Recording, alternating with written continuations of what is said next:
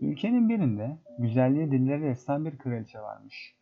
Tek isteği bir çocuk olan kraliçe sonunda kavuşmuş isteğine. Kral ve kraliçenin çok güzel bir kızları olmuş. Ancak kraliçe güzel kızına doyamamış. Doğumundan kısa bir süre sonra amansız bir hastalık onu alıp götürmüş. Kraliçenin son dileği kızına Pamuk Prenses isminin konmasıymış. Kraliçenin ölümünün üzerinden çok geçmeden tekrar evlenmiş kral. Yeni kraliçe de çok güzelmiş ama kalbi kötülüklerle doluymuş. Büyücülük yapan ve kimse tarafından sevilmeyen biriymiş. Zaten kralı da yaptığı bu büyülerle aşık etmiş kendisine. Kötü kraliçe her gün sihirli aynasının karşısına geçip hep aynı soruyu sorarmış.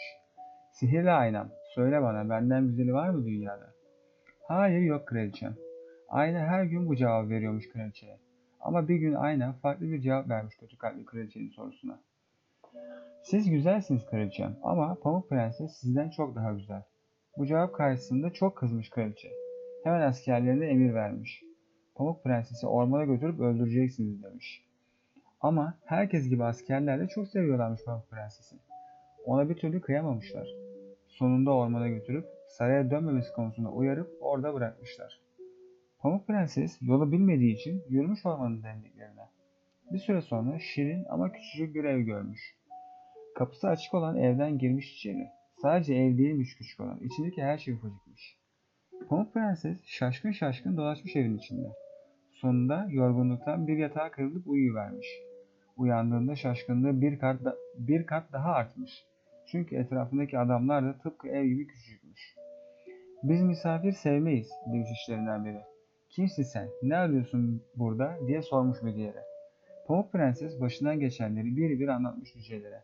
Anlatılanları dikkatle dinleyen cüceler, biz tam yedi cüceyiz ve bundan böyle hepimiz seni ko- korumakla görevliyiz diye bağırmışlar. Bu arada Pamuk Prenses'in öldüğünü sanan kraliçe aynı soruyu sormuş aynaya. Tekrar aynı cevabı alınca çılgına dönmüş kraliçe. Hemen bir cadı kılığına girip dalmış ormanın içine. Kısa sürede bulmuş cücelerin evini ve hemen çalmış kapıyı. Kapıyı açan Pamuk Prenses'ten bir bardak su istemiş. Karşılığında da kıpkırmızı bir elma vermiş. Pamuk Prenses daha elmadan bir elma bir ısırık almış ki kendini bir anda yerde bulmuş. Akşam eve gelen cüceler prensesi yerde bulmuşlar. Hepsi ağlamaya başlamışlar. Tam bu sırada oradan geçmekte olan bir prens duymuş bu sesleri. Gelip prensesin güzelliğini görünce bir anda aşık olmuş prense. Se. Dayanamamış ve bir öpücük kondurmuş Pamuk Prenses'in yanına. Bu öpücük bozuvermiş kötü kalpli kraliçenin büyüsünü. Hepsi çok sevinmiş ve bu mutluluk bir ömür sürmüş. Kötülük bir daha hiç ortaya çıkmamış.